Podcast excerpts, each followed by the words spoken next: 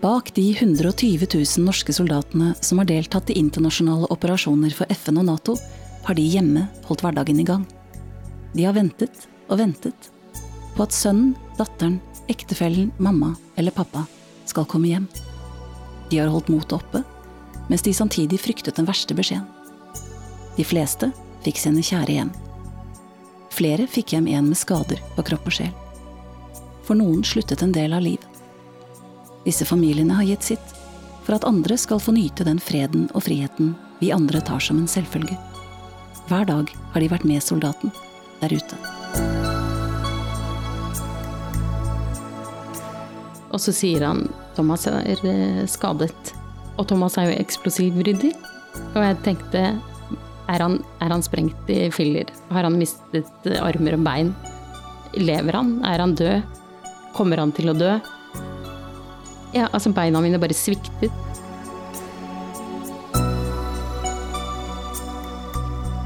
Ja, velkommen hit til Et øyeblikk en evighet. Denne episoden er i serien Hjemmefra. Der vi skal høre historien til de pårørende, de som står bak soldatene som er ute i internasjonale operasjoner.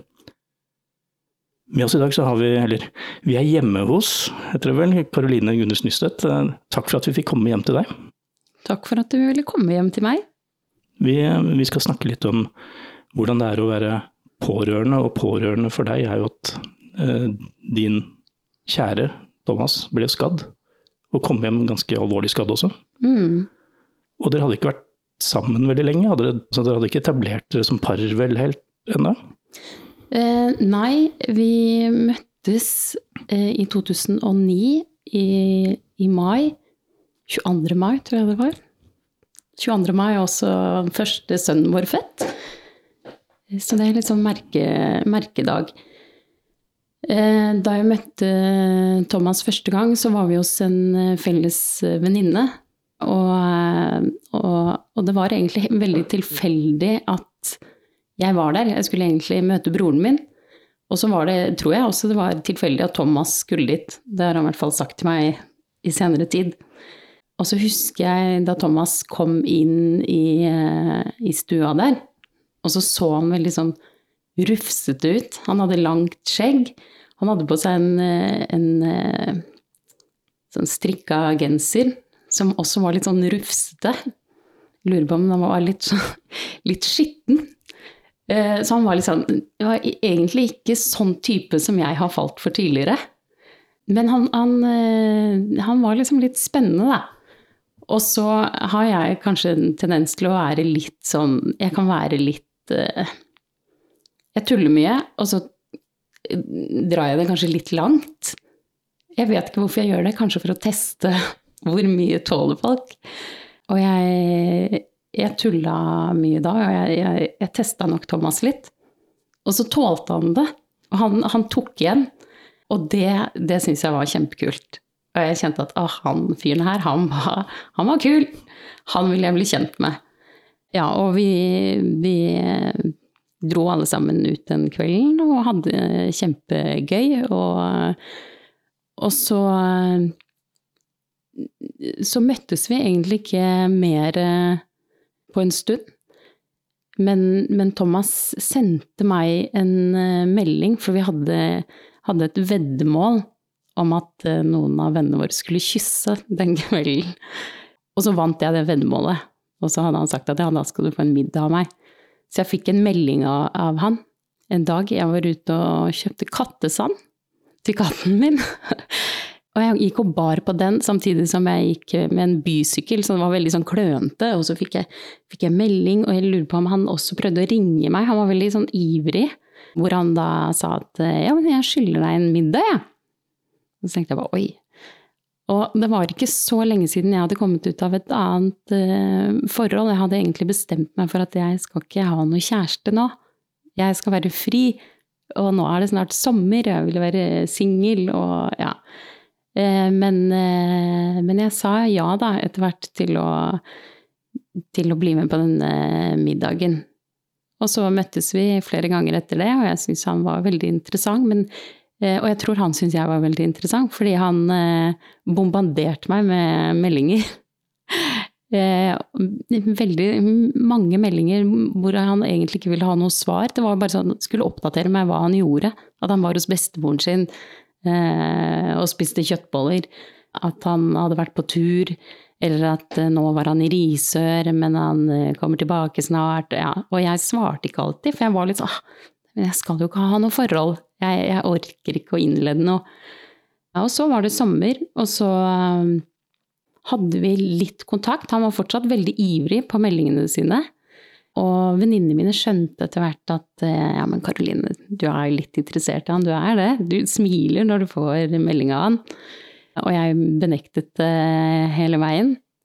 Til sommeren var over, og jeg møtte Thomas igjen. Da, da holdt han på å lage et longboard til meg. Så han gikk virkelig all in, og det syns jeg jo var veldig kult. Og så måtte han jo lære meg å stå på longboard. Det førte, førte også til to brukne ribbein. Eh, da var ikke Thomas med, men Og til slutt så, så skjønte jeg at ok, jeg er faktisk forelska i denne fyren. Og så var vi, var vi sammen med søsteren til Thomas og en kompis av Thomas, hvor, eh, hvor Thomas skrev en lapp til meg det var en litt uh, fuktig kveld, og da satt vi alle fire rundt bordet, og så skrev Thomas en lapp til meg hvor han spurte vil du være kjæresten min. Ja, nei, vet ikke. Og da krysset jeg på ja, og da ble vi kjærester. Så, så det var egentlig starten eh, på vårt, vårt forhold. Men visste du da at han, han skulle reise ut? Ja, det visste jeg ganske fort. Eh, han hadde den kvelden eh, jeg møtte ham første gangen, så var det ikke så lenge siden han hadde kommet hjem fra Afghanistan. Og jeg fikk også vite at det ikke var så lenge til han skulle eh, ut igjen. Og det var vel, hvis jeg husker riktig, ni måneder etter første gang vi møttes. Men det var noe som jeg ikke tenkte så mye på, fordi vi var veldig forelska. Og vi var opptatt eh, med å være sammen og gjøre hyggelige ting. Thomas var på jobb, og han var på øvelser eh, her hjemme. Eh, men det var på en måte Ja, ja, ok, det er, det er jobben hans. Og, og, jeg tenkte egentlig ikke så mye mer over det enn at jeg savnet han når han var på øvelser eller oppdrag her hjemme. Men ja, vi snakket ikke mye om at han skulle reise ut. Jeg skjøv det, eller vi skjøv det foran oss. For du reflekterte ikke noe over at det yrket han hadde eh, i seg selv eh, har en viss risiko? Han, eh, han var jo minerydder. Ja, eller han er jo det operatør. Ja, altså ta bort ting som eksploderer veldig mye. Ja. Det er det han driver med. Mm. Det er jo ikke akkurat noe en vanlig jobb. Nei, eh, det er det ikke. Og han hadde jo oppdrag her hjemme også, som eh, innebar eh, ganske stor risiko, har jeg skjønt i ettertid. Men sånn som Thomas la det fram for meg, så fikk jeg litt sånn romantisk forhold til Forsvaret. Fordi han, han fortalte alltid om liksom, den gode stemningen som var på disse turene eller oppdragene. Eh, at de satt rundt bålet. Han spikket eh, trehjerter til meg, og ja, ikke sant. Og han ringte og sa hyggelige ting til meg. Så jeg, jeg, jeg skjønte det ikke. Jeg ville ikke skjønne det helt, uh, tror jeg. Men så dro han til Afghanistan, da. Ja. Og hva, hva gjorde du da? Han måtte dra til Afghanistan litt før han skulle. Jeg lurer på om det var to-tre uker før han egentlig skulle. Og eh, da, da tok Thomas faktisk eh, fram altså han begynte å pakke, og jeg så jo at eh, han pakker ikke for en vanlig ferie, holdt jeg på å si, eller en vanlig tur til et normalt sted. Han, han pakker jo ned spesielle ting og effekter, forsvarsting, som var som jeg, Ja, som fikk meg til å, å, skjønne mer og mer eh, alvoret. Men han tok også fram eh, dataen sin. Han hadde laget en, en Jeg tror det var powerpoint-presentasjon, faktisk. Hvor han viste, han viste Afghanistans historie, Forsvarets jobb der, kort, kort om jobben til Thomas der. Eh, så det var egentlig ganske ålreit, men det var jo også litt litt rart. Og så tok jeg det ikke helt inn da heller, og jeg fikk jo heller ikke vite ordentlig hva han skulle gjøre. Han ville nok skåne meg for hva Sånn helt i detalj hva han gjorde, da. Og så turte jeg heller ikke å spørre, jeg ville ikke gå helt i dypet. Så var det jo Nå er det jo litt mer åpent enn det var da. Man skulle ikke snakke så mye om det da. Og mens han var, eh, var deployert, så hadde du noen kontakt med han underveis? Ja, vi hadde, vi hadde kontakt, men, men, eh, da var det Thomas som eh, ringte meg. Jeg kunne ikke ringe han. Han måtte ringe fra leiren, stort sett. Og, og da jobbet jeg som lærervikar. Jeg tenkte mye på han. Jeg var jo kjempeforelska i han. Så det at han var borte, syntes jeg var forferdelig. Så gikk det på en måte greit, men så begynte jeg å sette meg altfor mye inn i, i nyhetene. Eh, det var en sånn egen side på sol.no som hadde oppdateringer om Afghanistan. Og den sjekket jeg hele tiden. Jeg sjekket den Det var det første jeg gjorde når jeg sto opp, og så var det det siste jeg gjorde før jeg la meg. Og så var det jo veldig mange ganger mellom der. Og det eh, passer dårlig når du jobber som lærervikar. Jeg sjekka på mobilen min, eh, og jeg Jeg sjekket også mobilen min veldig ofte, selv når jeg sto i klasserommet og skulle undervise. Og hvis jeg så at Thomas hadde ringt, så syntes jeg det var eh, kjempevanskelig, for da visste jeg ikke når han ringte igjen neste gang. Og jeg visste ikke om det var noe som hadde skjedd, eh, og jeg kunne ikke ringe han opp igjen. Så ja, jeg, jeg, var nok en litt ufokusert og ukonsentrert lærer akkurat da. Men det var slitsomt, det høres slitsomt ut? Ja, det var, det var veldig Det var slitsomt, og, og jeg ble veldig sliten av det, både fysisk og psykisk. Og det gikk også utover eh, søvnen min. Hvis jeg ikke hadde fått tatt telefonen, så sov jeg dårlig og lurte på når han skulle ringe igjen. Og så syntes jeg det var vanskelig fordi jeg følte meg veldig alene. Vennene mine prøvde jo å være greie og trøste meg. Jeg snakket mye om Thomas. Jeg tror etter hvert så syntes de at jeg snakket litt vel mye om han.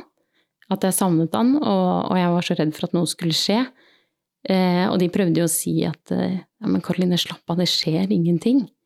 Og så husker jeg at jeg ble sånn irritert når de sa det, for det kan jo ikke de vite. Så jeg hadde på en måte ingen som skjønte hva jeg sto i, og hvor redd jeg var, og hvor stor frykten min var. Men jeg snakket mye med mamma. Eh, men så er det begrensa hva hun kan si også, ikke sant. Eh, hun trøster meg jo etter beste evne, og jeg sa jo det til henne at jeg orker ikke at folk sier at eh, slapp av, det går bra. Men hva, hva, hva, annet skulle mamma si, på en måte? Men hun var en stor støtte, da. Hun, eh, jeg fikk ut litt sånn frustrasjon der. Og eh, Thomas og jeg hadde jo også bestemt oss for at vi ønsket at vi skulle ha en hyggelig tone på telefonen hele veien. At vi skulle være positive. Derfor fortalte ikke jeg Thomas heller hvor redd jeg etter hvert var jeg fortalte ikke om eh, de nyhetene jeg leste, for jeg så jo at etter hvert så ble det mer og mer urolig i det området han var.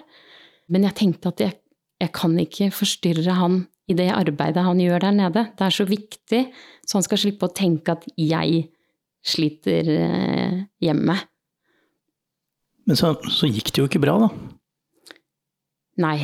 Han blei jo skutt? Ja. Det gjorde han. Eh, og det var, det var faktisk eh, kort tid etter at jeg hadde eh, Det hadde gått så langt at jeg tenkte at jeg må si til Thomas at jeg syns det er kjempevanskelig å være hjemme, og at ingen, at ingen eh, forstår hvordan jeg har det. At jeg savner han så mye, og at jeg er redd for han. Og nå var det virkelig blitt eh, urolig der han var. Og da sa jeg det til han på telefonen, og så sa han Karoline, jeg har ett oppdrag igjen. Og så skal jeg tilbake til leiren i Meymaneh, og så skal jeg være der til jeg skal hjem. Og da Da tenkte jeg at ok, nå må jeg bare, må jeg bare holde ut det siste oppdraget her.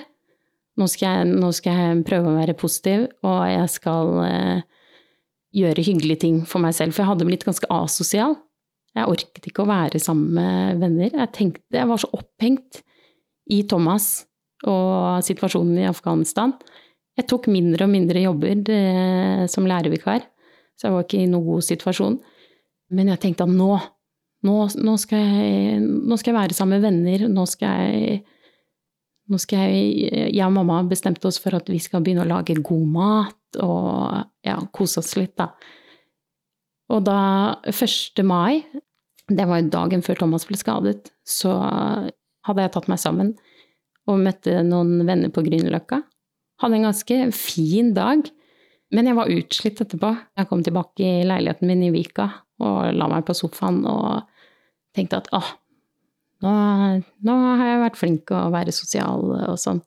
Og så ringte faren min, og så Og så var jeg så sliten at jeg, jeg orket ikke å ta telefonen med en gang.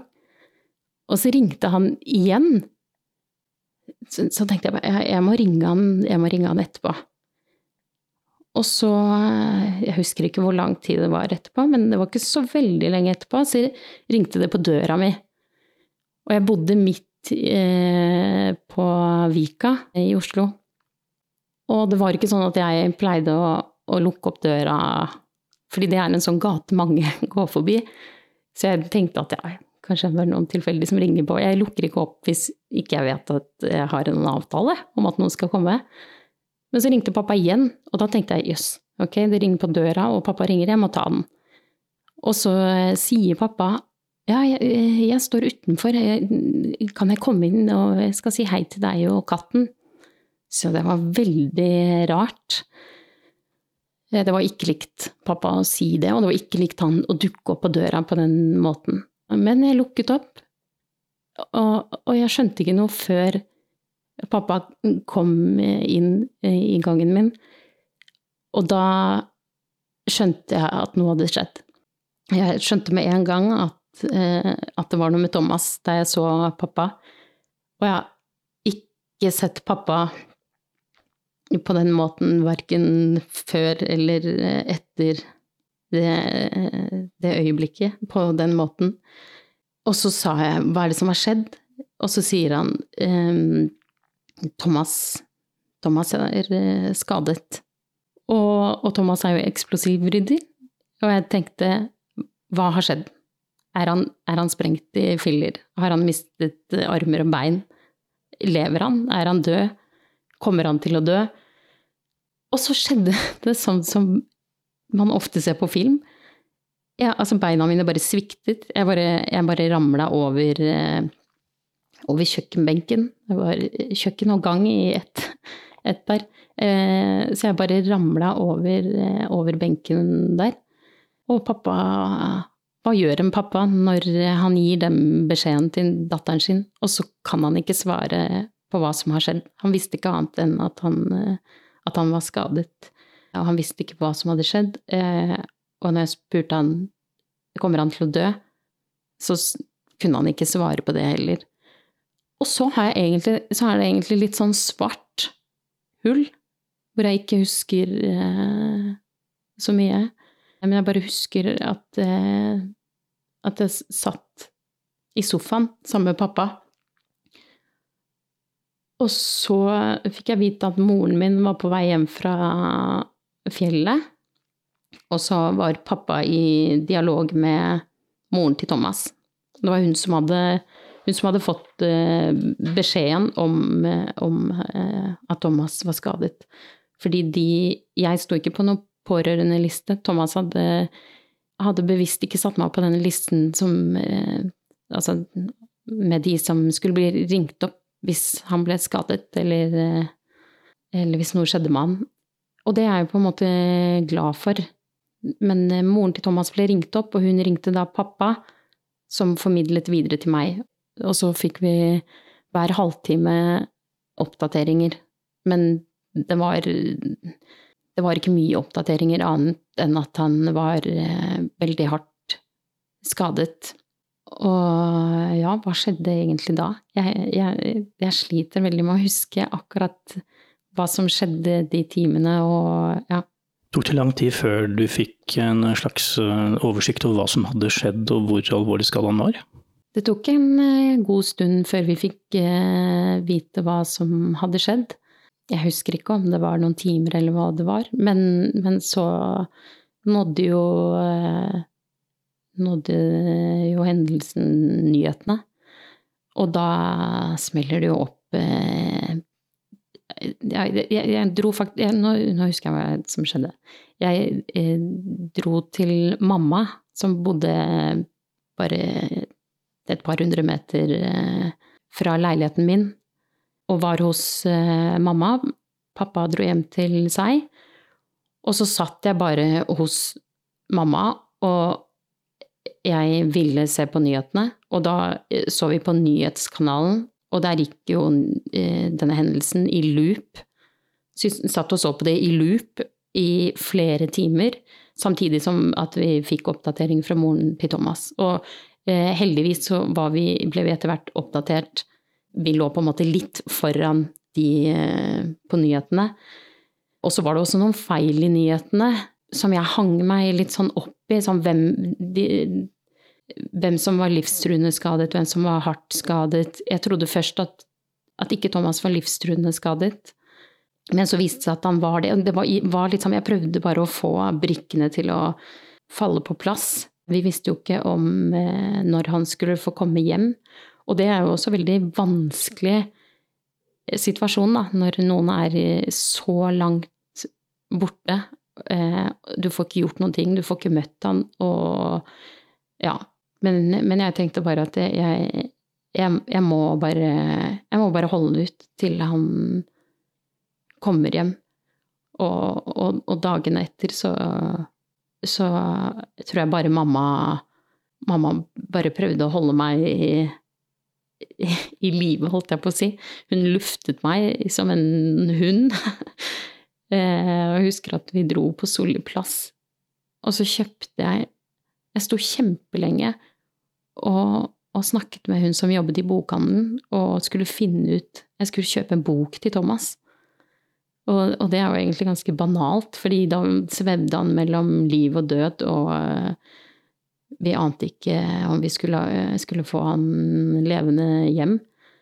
Uh, men da skulle jeg kjøpe bok til han. Så jeg sto og fortalte den damen om Thomas og hva slags bøker han likte, og endte opp med snabba cash. en bok jeg ikke tror han har lest ennå. Eh, og jeg kjøpte også et, eh, et sånt velkommen hjem-kort, som jeg gjorde meg veldig flid med.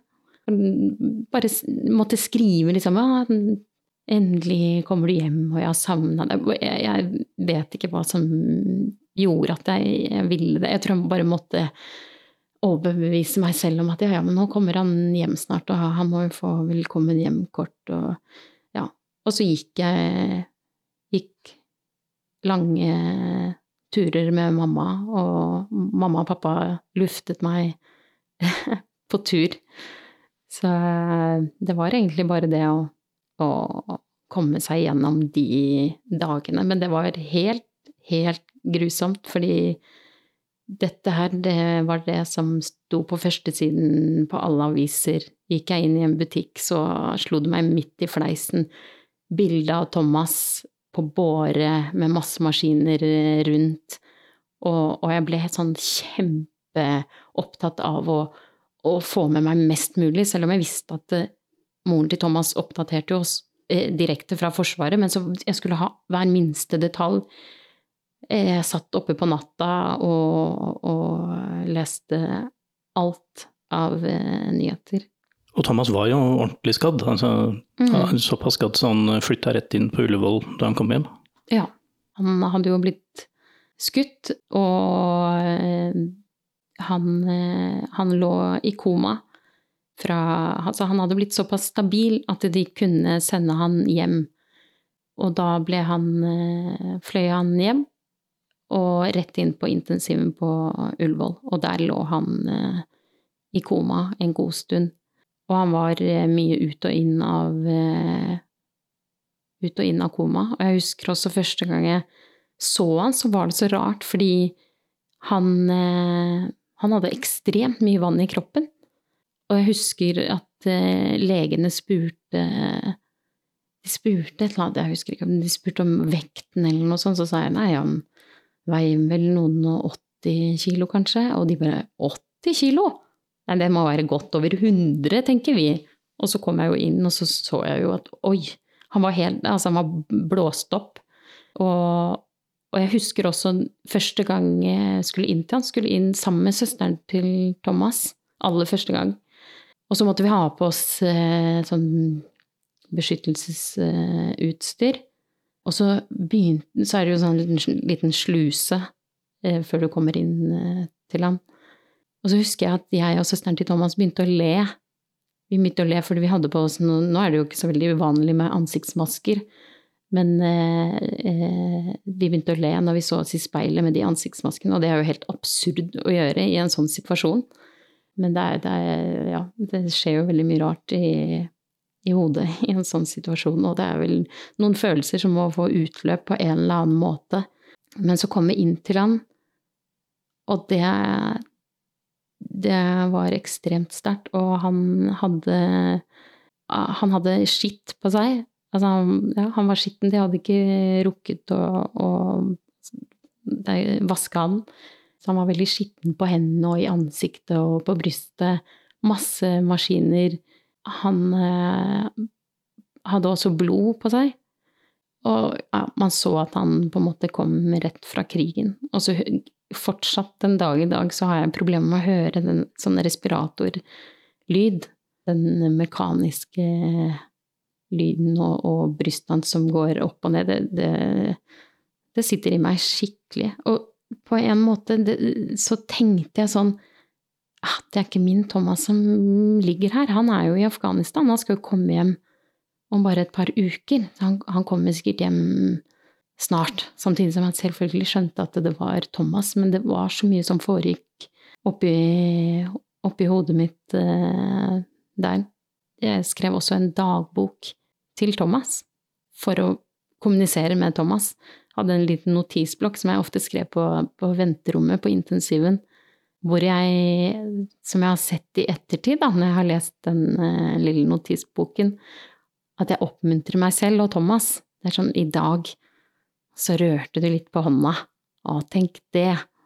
Det er bra. Og i dag så vekket de deg opp fra, fra koma, og uh, ja, og fikk, han fikk en sånn liten bomullspinne, vet du, sånn som de fukter munnen med. Da fikk han med litt kaffe på en av gangene de vekket han.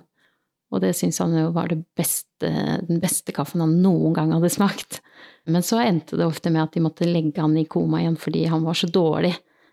Men da skrev jeg gjerne at ja, nå, det er det beste, nå skal du få lov å Nå må du slappe av litt, og da blir du fortere frisk, og kanskje du kan være våken på 17. mai, og så var det sånn en oppmuntring til han og meg selv. Det var en veldig sånn fin hjelp fordi Thomas var jo den som, som jeg kunne prate med før det. Det var han som hadde gitt meg de trøstende ordene før, før det, da. Så nå måtte jeg trøste meg selv litt. Begynte du å få noe begrep om hvor skadd han var? Kirurgene fortalte jo om omfanget og, og gikk ganske sånn Vi var i mange møter. Vi, de gikk ganske i detalj på hva som hadde skjedd. Og jeg skjønte at han var veldig, veldig hardt skadet, men jeg turte aldri å spørre om, om det sto om liv, selv om eh, det var mange ting som gjorde at man kanskje skjønte at nå, nå står det om liv. Men jeg turte ikke å spørre legene, for jeg var så redd for svaret. Jeg turte ikke å eh, snakke med familien til Thomas om det. Jeg bodde jo med de på pasienthotellet hele denne perioden. Men jeg turte ikke å spørre dem heller om det, for jeg, jeg tenkte kan hende de ikke tenker på det? Og jeg vil ikke plante noe i hodene deres om det. Men de gangene de vekket ham fra koma, så Han var jo veldig, veldig sterkt medisinert. Så sa han veldig mye rare ting. Han, han snakket om altså så rare ting at jeg lurte på om eh, han hadde fått en hjerneskade. Og legene sa jo også at eh, vi vet ikke hvor frisk han er hvis han våkner, eller når han våkner. Og vi, altså hvis du ikke får nok eh, oksygen til hjernen, så, så vet, vi vet jo ikke dette ennå. Så jeg, jeg, visste jo ikke det heller. Men um, det var fordi han um, han fikk så sterke medisiner som gjorde at han halluniserte. Og det har jo vist seg i ettertid at Thomas husker jo mye av de drømmene. For jeg konfronterte han og skrev også ned eh, de tingene han sa til meg. Men det er jo sånn mellom eh, søvn og våken tilstand, så han, han, så jo veldig mye. Han var veldig redd. Eh, han, han, trodde jo blant annet at sykepleierne dryppet blod i øynene hans. Han trodde at at de som sto rundt senga hans, var onde, og ja, det, det, det var noen ganske sånn heftige drømmer, har jeg skjønt, og, og, mye av de tingene han sa til oss, var jo fordi han var i denne Han var jo på en måte mellom drøm og våken tilstand. Så det var jo på en måte Han var seg selv når han eh, våknet. Men eh, det første han sa da han våknet, da, den aller første gangen de vekket ham fra koma, da sa han til meg, har du bleket tennene dine? Og det tenkte jeg sånn, ja, er det det første du skal si til uh, hun du er forelska i? Så, ja, det var jo litt spesielt. Og så har jeg hørt i ettertid da, at uh, han hadde sagt til familien sin, så hadde han vært veldig sånn ja, du må, du må gå i skapet mitt, eh, og til høyre, øverst i skapet, så må du finne den boksen, og der ligger ringen til Karoline. Og så det var jo, jeg husker ikke om det var søsteren, kanskje, lillesøsteren til Thomas, som hadde fått den oppgaven, da, om å Den må hun ta vare på. Så ja, så han eh, Han sa, sa mye rart, men han var jo også veldig opphengt i den den ringen, den måtte noen passe på. Ja, uansett hvordan det skulle gå. Mm. Men så begynte jo den lange veien tilbake igjen. Det tok jo litt tid før han begynte å kunne bevege seg. Ja, og det Altså, det er kjempetøft å ha noen på intensiven der. Men da er han også i Han er overvåket 24 timer i døgnet.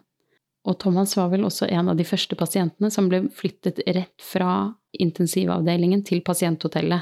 De tenkte at det var best at han ikke var innom sånn gastroavdeling, hvor det ligger da veldig mange andre syke, ofte eldre mennesker. At det beste for ham var å komme et sted hvor han kunne Hvor det var ikke mange syke rundt han, da. Så da tenkte legen at han kan flytte rett til pasienthotellet. Men da var han jo, altså fra å være på intensivavdelingen til å bli Å, å være overvåket 24 eh, timer i døgnet, til å komme på, på pasienthotellet, hvor moren til Thomas og jeg var den, de som satt hos han hele tiden, det var ganske heftig. Det var kjempeskummelt et enormt ansvar. Altså, vi hadde jo en eh, sånn eh, knapp å trykke på, eller eh, en sånn snor å dra i, men, men det, var jo, det, var jo, vi som måtte ta avgjørelsen på om vi skulle trykke på den knappen eller dra i snora. Så det, det var på en måte egentlig begynnelsen på, på en skikkelig sånn tøff tid, altså. Og så var det faktisk ikke så lenge etter at han fikk reise til Risør. Og vi tenkte jo at eh, så ja, det er jo fint, på en måte. Det er jo et godt tegn. Men jeg syns det var kjempeskummelt. Altså for det første så skulle Thomas kjøre, kjøres ned dit av moren til Thomas og meg. Og han kunne jo egentlig ikke sitte i en eh, bil, i hvert fall ikke på en behagelig måte. Og vi skulle kjøre ned til Risør med Thomas eh, bak i, i bilen. Og min oppfattelse var at alle var kjempe kjempeglad for det. og alle rundt eh, altså sendte meldinger og tenkte at åh, nå går det, nå går det bra. Men jeg var livredd.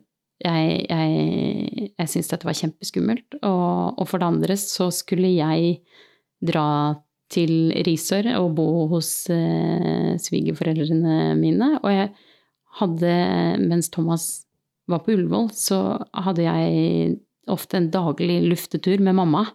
Hvor jeg lot følelsene mine komme fram og gråte og si hvor vanskelig dette egentlig var. Fordi jeg ville jo foran familien til Thomas, og Thomas, når han var våken, så ville jeg på en måte vise at jeg har det bra.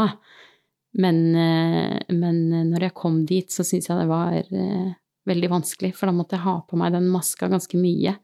Og det var jo også eh, en Thomas ble jo også dårlig, dårligere og dårligere mens vi var i Risør. Han fikk ikke i seg næring, og det endte også opp med en akuttur til Arendal sykehus, hvor vi tror i ettertid at det kanskje var et panikkanfall, men der og da så trodde han at han skulle dø. Og når vi kjørte etter ambulansen mot sykehuset, så, så stoppet de en gang på veien. Og da tenkte jeg at ok, nå, nå døde han. Og det, det, var skikkelig, skikkelig tøft. Og da, da var jeg på vei Da var jeg ganske sliten fra før av.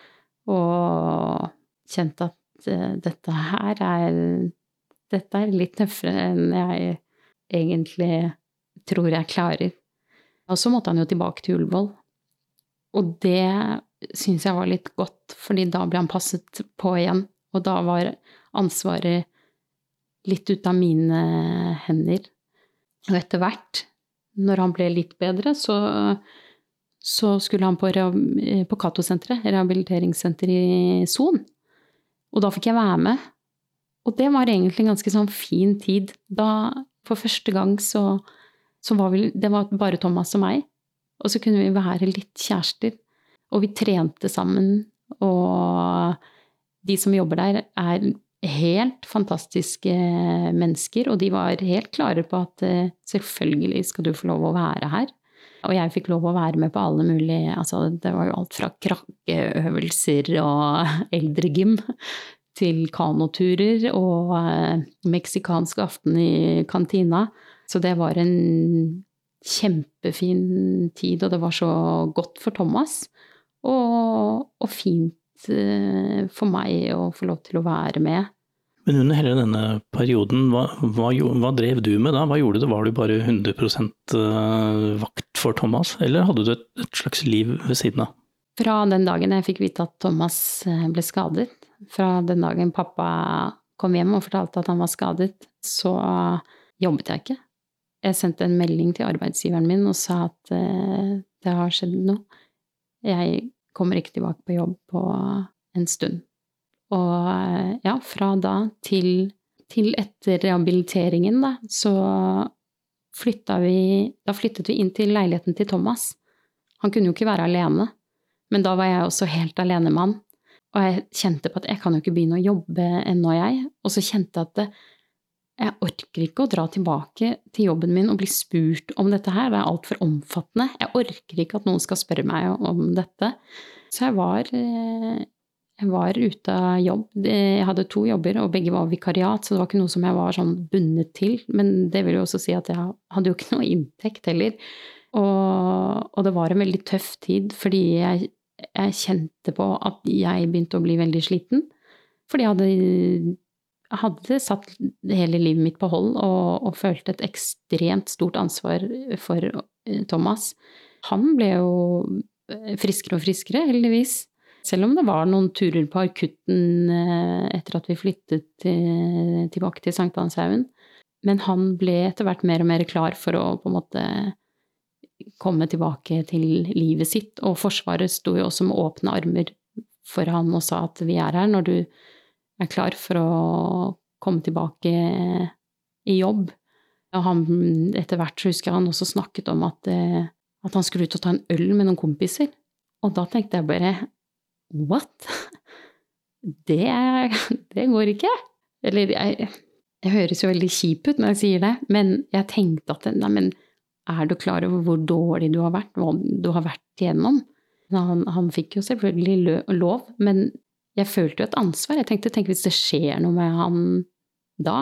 Og hver natt så lå jeg og kikka på Thomas og så om han pustet. Jeg var kjemperedd for at han skulle uh, slutte å, å, puste. Og det at jeg hele tiden kjente på et sånt ansvar for Thomas og følte at jeg, jeg måtte passe på han hele tiden, det er jo selvfølgelig slitsomt for han. Og så var det veldig slitsomt for meg fysisk og psykisk, så jeg etter hvert gikk ganske ned i kjelleren. Og igjen så sto jeg jo da uten jobb eller noen ting, og så var jeg kjempesliten. Og så var Thomas på vei tilbake til, til livet. Hvordan gikk du videre da? Altså, hvordan klarte du å, å komme tilbake? Nei, det ble, det ble jo eh, Det ble jo en liten eh, stund på, på, på sofaen hvor jeg bare Jeg tror jeg bare trengte å bare være sliten og hvile. Og så husker jeg pappa sa til meg at han hadde en bedriftspsykolog som han lurte på om jeg kanskje kunne ta en prat med. Og så, så gjorde jeg det, og det var helt eh, fantastisk for meg. Det er første gang jeg på en måte har snakket om meg, at det, at det var fokus på meg, og at jeg kunne si at dette var litt vanskelig for meg. Og det er litt sånn skamfullt også å skulle si at, at uh, jeg syntes det var vanskelig. Det var jo Thomas som hadde blitt skutt. Altså Han har jo ligget og hatt vondt og ligget i koma. Jeg har jo vært frisk hele veien, og så, og så jeg at jeg Og så sier jeg at jeg er sliten. Så det Men det å møte forståelse på det, og få lov til å på en måte være sårbar og og jeg husker da jeg kom til henne første gangen, at jeg bare, jeg bare begynte å gråte med en gang. Og da husker jeg at hun sa liksom bare gråt, Karoline. Og, og, og, det var jo sånn eh, pusterom for meg, da, å, å, komme til henne. Hvordan forhold hadde du til Forsvaret midt oppi alt dette her sånn? Var de, var de der, eller var det bare noe perifert? De var jo der, eh, men de var ikke der for meg. Vi var i møter på Ullevål husker samme kvelden som Thomas kom til Ullevål, så kom det noen eh, eh, høye herrer, holdt jeg på å si, med medaljer eller flotte uniformer, og skulle ha et møte med oss nede ved resepsjonen eh, ved pasienthotellet, og skulle prate om dette her med et sånt forsvarsspråk som jeg på en måte ikke skjønte så mye av. Så skulle de på en måte gå igjennom hendelsesforløpet, og det ble på en måte det, Jeg skjønner at de måtte gjøre det, men for meg så var ikke det det jeg trengte. Jeg trengte egentlig at noen kom og plukket meg opp og sa nei, vi skal ta, passe på deg eller prate med deg midt oppi det her. Eller det var ingen som spurte meg hvordan har du det? Ingen, eh, absolutt ingen i Forsvaret som spurte meg om det denne perioden her. For du engasjerte deg jo nå i ettertid, eller en stund etter også, mm. i, i, hvordan de pårørende har det når eh, ikke bare noen blir skadd, men altså generelt. Og du startet det som et uh, hjemmesone? Mm, ja. Etter uh, å ha vært igjennom det her, da. Så jeg kjente jo veldig på at jeg falt mellom to stoler. Og det å ikke bli plukket opp, og, og, og det at jeg også gjennom hele perioden Thomas var ute, at ingen jeg var jo helt alene, og jeg hadde jo ingen å snakke med. Og jeg tenkte at, å, det hadde vært så godt å, å, prate med noen i lignende situasjon. Jeg husker jeg hang meg eh, veldig opp i Det var en gutt som fikk isklump i hodet eh, ikke så langt eh, unna der vi bodde, og han hadde jo en kjæreste. Så jeg husker at jeg ble veldig sånn åh, hvordan har hun det? Og begynte å lese masse om den eh, hendelsen. Eh, for jeg tenkte at ah, ja, der er det noen som er litt lignende situasjon som meg. Så jeg søkte veldig mot det.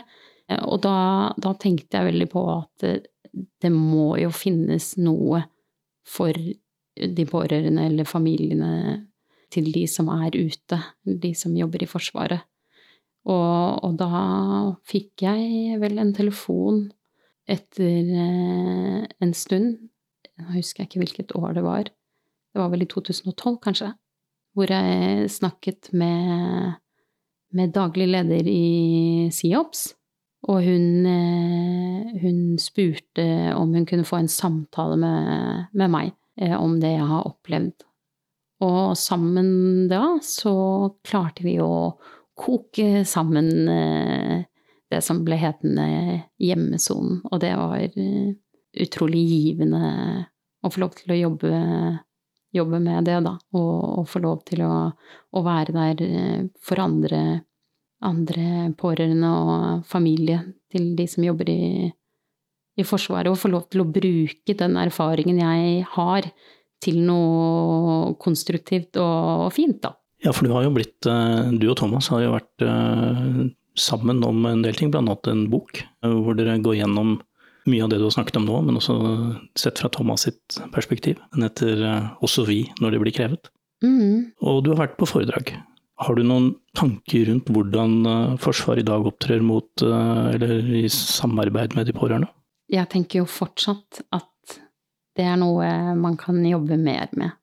Og jeg ser jo hvor verdifullt det er å, å få lov til å møte andre som, eh, som vet eh, hva det vil si å, å være hjemme, og, og gå gjennom eh, Altså å, å, sitte med en frykt som ingen andre kan si at de skjønner hvordan er. Eh, at du kan snakke med noen som sier 'jeg skjønner hvordan du har det', og så gjør de faktisk det. Og, og jeg tenker jo at det, det er fint å få hjelp til å, å, finne arenaer hvor du kan møte andre som er i lignende situasjon, da. Og det, det tenker jeg jo er Jeg tenker jo at det er noe som bør prioriteres. Ja, at det er noe Forsvaret bør sette høyt opp. Fordi vi er jo tross alt de som støtter de som reiser ut. Sånn som nå, så eksisterer jo ikke hjemmesonen lenger. Den, eh, den, er borte. Tenker du at noen burde ta den stafettpinnen videre og etablere et, eh, et tilsvarende tilbud for de pårørende? Ja, det tenker jeg absolutt. Og jeg tenker at det er eh, kjempe, kjempeviktig at noen tar over den stafettpinnen. Karoline, til slutt, også, hvordan, hvordan går det med dere nå? Med deg og Thomas? Du, det går, det går veldig bra. Nå lever vi jo et litt annet eh, liv. Nå har vi to flotte gutter sammen. Thomas jobber fortsatt i Forsvaret, og jeg jobber som familieterapeut. Og vi har et eh, hektisk liv eh, med, med guttene våre. Og vi har jo fortsatt med oss denne historien i ryggsekken, selv om vi kanskje ikke tenker på den like mye nå som vi gjorde før. Men eh, noen ganger så er det fint å stoppe opp og, og minne hverandre på hvor heldige vi er, og, og se hvor vi står i dag. Dette er en av mange unike historier om selvoppofrelse og mot. Historier som rett og slett er blitt et øyeblikk, en evighet.